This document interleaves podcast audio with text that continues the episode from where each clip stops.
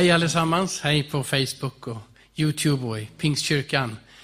Underbart att få vara tillbaka och eh, be tillsammans med er, men också möta er. Eh, framförallt är det lättast för vi som ser varandra här. Eh, men ändå, så skriv gärna en kommentar om du är med. Och så vet vi det och skriv bönämne, hör av dig. Även under det att jag undervisar lite kort här, så tveka inte att skicka in böneämnen. Hoppas att du har haft en bra sommar. Eh, det är många omständigheter man kan prata om, eller hur? Eh, men jag hoppas att det har varit bra. Ehm, ja, vädret. Det är fortfarande riktigt eh, varmt. Ehm, ja, det kanske har börjat svalna lite där ute nu, men här inne i kyrkan är det fortfarande kvavt och varmt. Vem gillar att prata om vädret?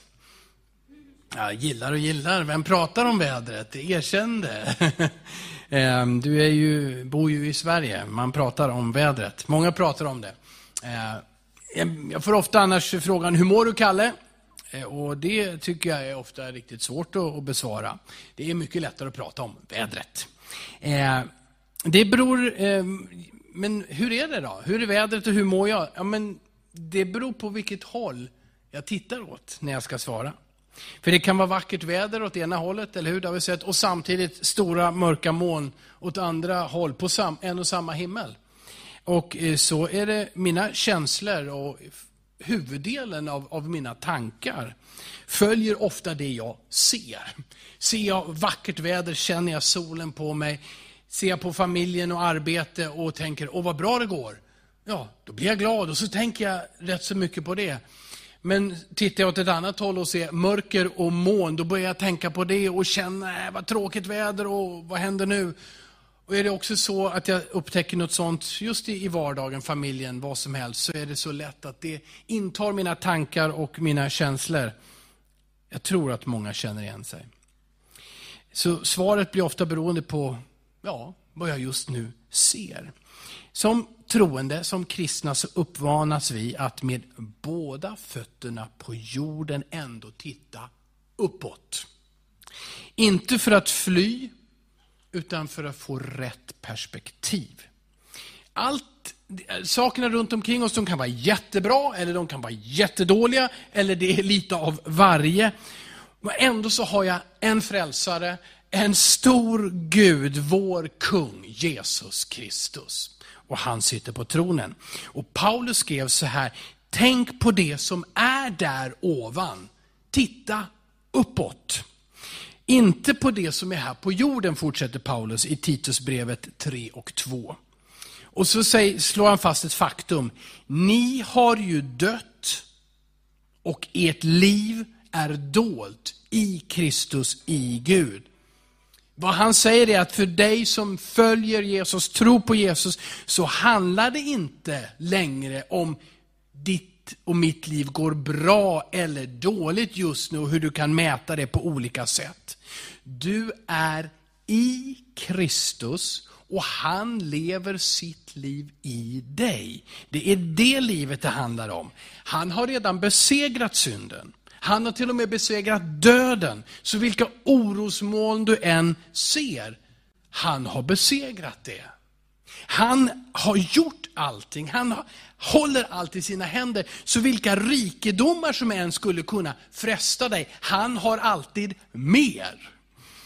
Så att, att dras med utav hyper och det är det här som är inne, det måste jag göra, det måste jag ha. Eller i kristider var rädd och osäker, då säger Kristus, eller då säger Bibeln så här, sluta att titta på det. Titta på mig. Jag lever i dig och du är i mig och det är det som gäller. Och jag, säger Jesus, jag har besegrat synden, jag har besegrat frestelserna, jag har besegrat döden, jag har frälst och befriat dig.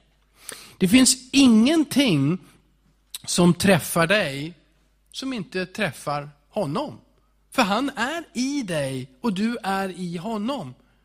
Det finns ingenting för dig som är troende som träffar dig, varken gott eller dåligt, som inte också träffar honom. Ja, känns det inte redan lite bättre? hur, hur hård träffen än är. Den träffar ju honom. Och vad kan rubba honom? Som är densamme igår, idag och i evighet. Ehm, sammanfattning av det här. I väster kan det vara vackert väder, i öster kan det vara mörka moln, men uppe på himlen lyser solen. Och vem är solen? Det står så här i Hebreerbrevet 1 och 3. Sonen, det vill säga Jesus, sonen är utstrålningen av Guds härlighet. Sonen är Guds väsens avbild. Och han bär allt med sitt mäktiga ord. Sedan han fullbordat en rening från synderna sitter han nu på majestätets högra sida. Så stor är vår frälsare. Han regerar och vi är i honom och på det sättet med honom. Därför ska vi inte låta omständigheterna, om de är dåliga eller gynnsamma, styra oss. Utan vi uppmanas att se på honom som är trons upphovsman och fullkomnare. Att se på honom som har påbörjat ett gott verk i oss, för han ska också fullborda det tills dess han kommer åter. Okej, okay. så vad kan du göra av något så här härligt? Låt oss helt kort titta på några verser i Titus, Titusbrevet kapitel 2, vers 11-15. Som talar om hur stor vår frälsare är och hur det kan påverka vår vardag. Några enkla saker. Det står så här, Titus 2 och 11. Guds nåd har uppenbarats till frälsning för alla människor.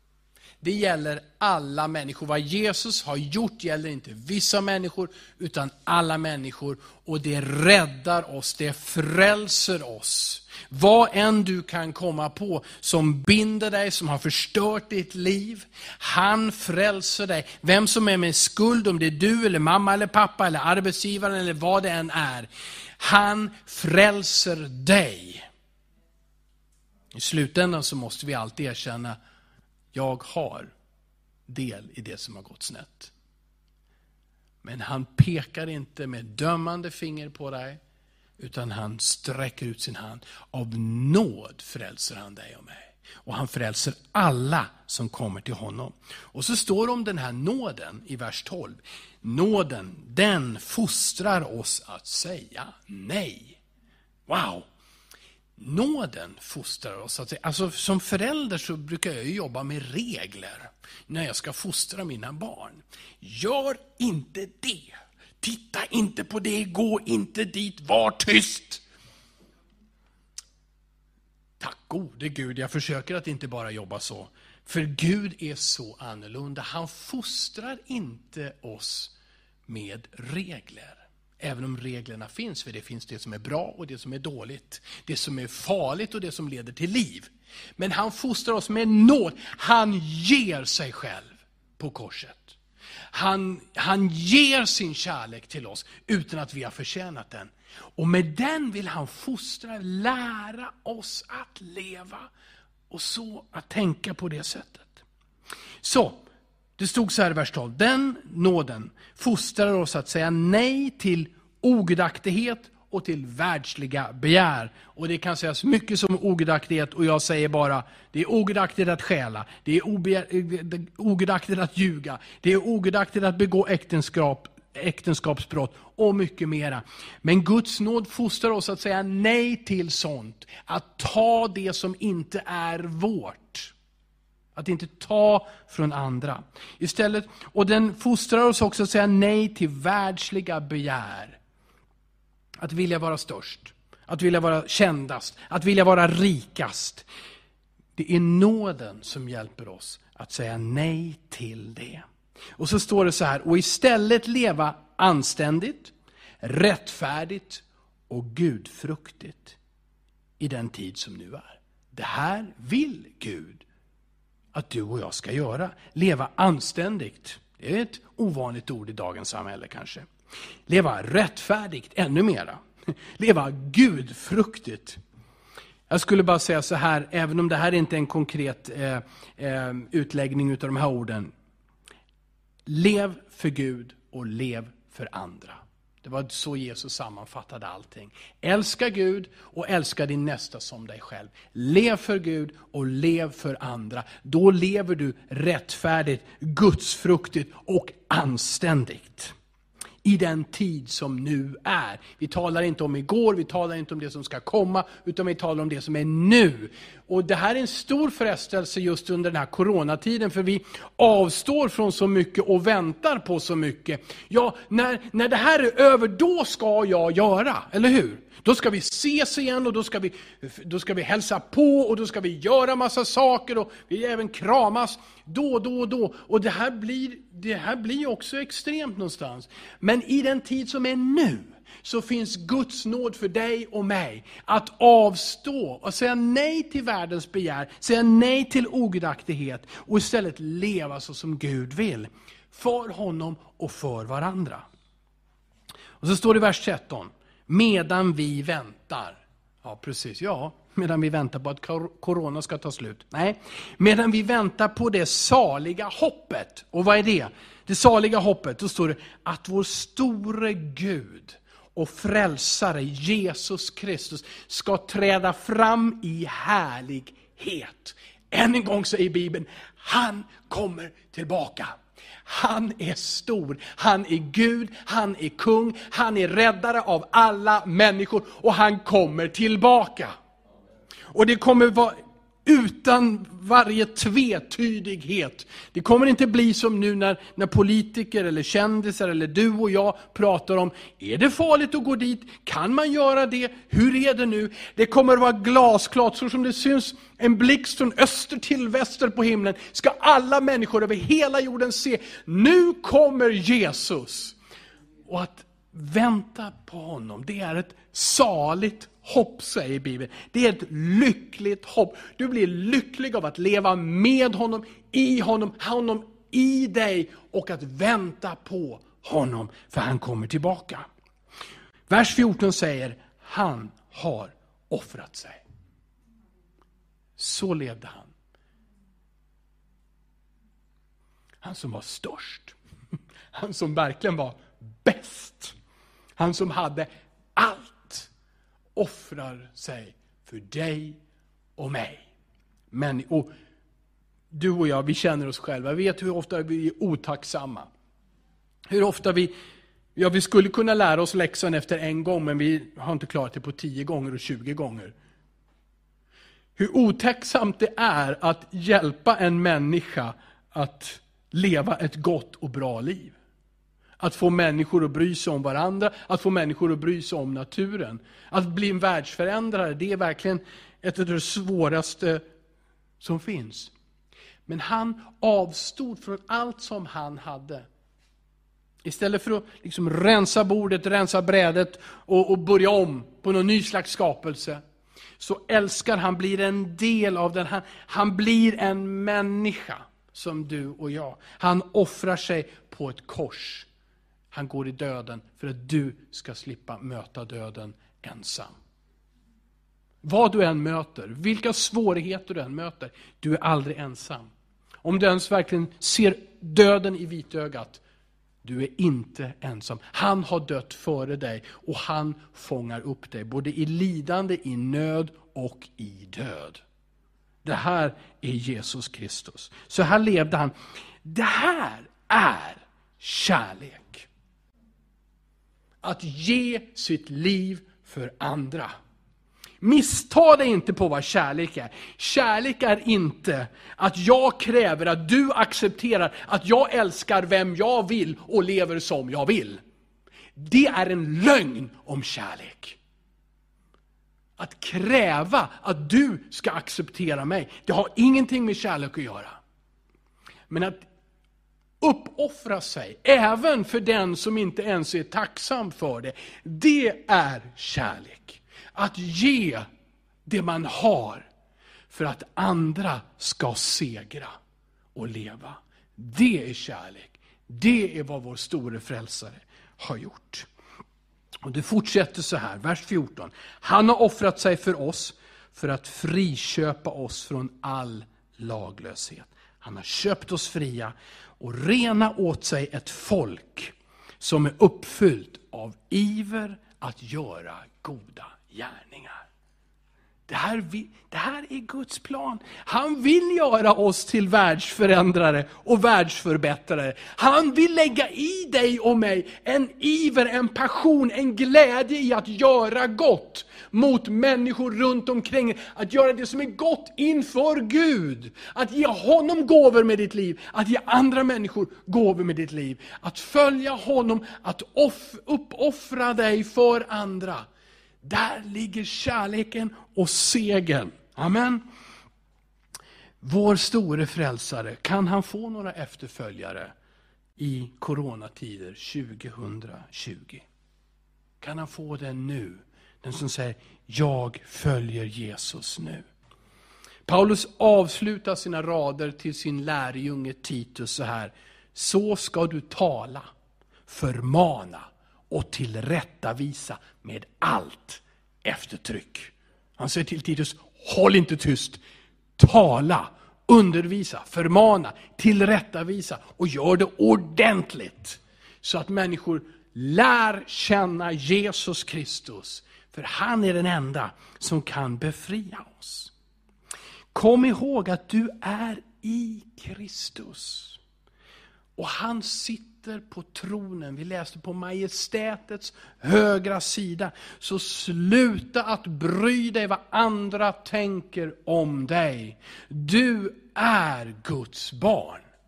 Du är son eller dotter till den allra högsta. Och ditt liv, hela ditt värde, ditt arv, din framtid är bevarat i Jesus Kristus som aldrig kommer att förändras. Han beskyddar dig, han bevarar dig, han har redan bestämt dig för seger.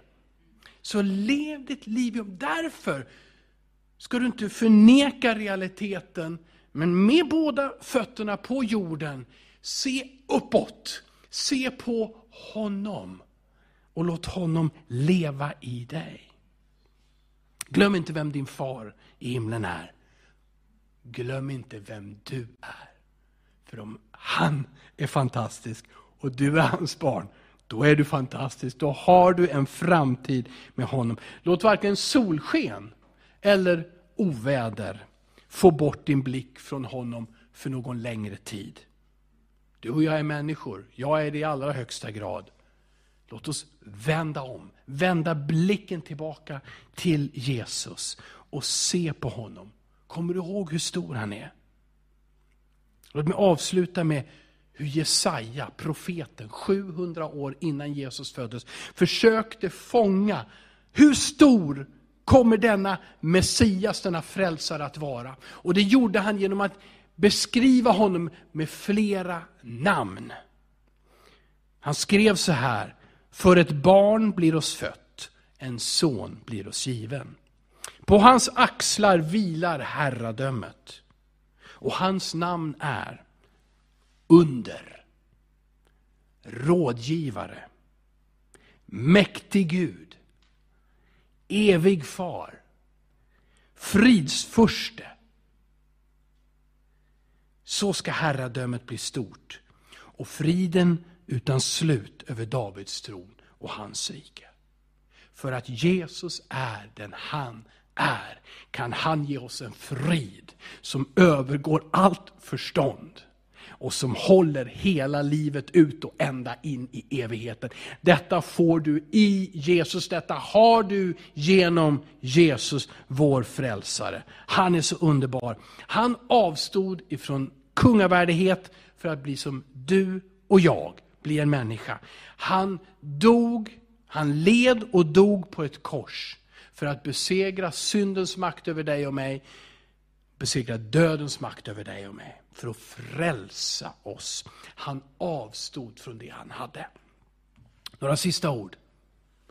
Ett kristet ord för att avstå är fasta. Vi fastar från någonting, vi avstår från någonting. Och det handlar om att följa i Jesu fotspår. Att avstå från diverse saker för att vinna någonting. Att avstå för att vinna. Inte att gripa efter någonting. Jag vill ha mera mat så att jag blir mätt. Sen säger jag avstår från mat för att jag ska bli andligt tillfredsställd och mätt. Att fasta. Att fasta till förmån för andra, det kan du också göra. Vet du, du behöver inte bara fasta för att, för att be, du kan också fasta för att spara pengar, för att du vill dela de pengarna med någon annan som behöver det minst lika mycket som du, eller ännu mer. Du kan fasta och spara. Du kan avstå från aktiviteter. Du kan avstå för en tid, för tid, för dina hobbys, för andra saker, för andras skull. Men vad vi vill uppmuntra dig till speciellt är naturligtvis för Guds skull. Start nu på söndag den 23 augusti. Så inleder vi en tid av tre veckor av bön och fasta. Jag vill uppmuntra dig att fasta delvis eller fasta helt, fasta en kort tid eller fasta upp till tre veckor. Att vara med oss i bön, frigöra tid för bön, för, för vår församling, för vår stad, för vårt land, för vår värld, för människors skull och för Guds skull.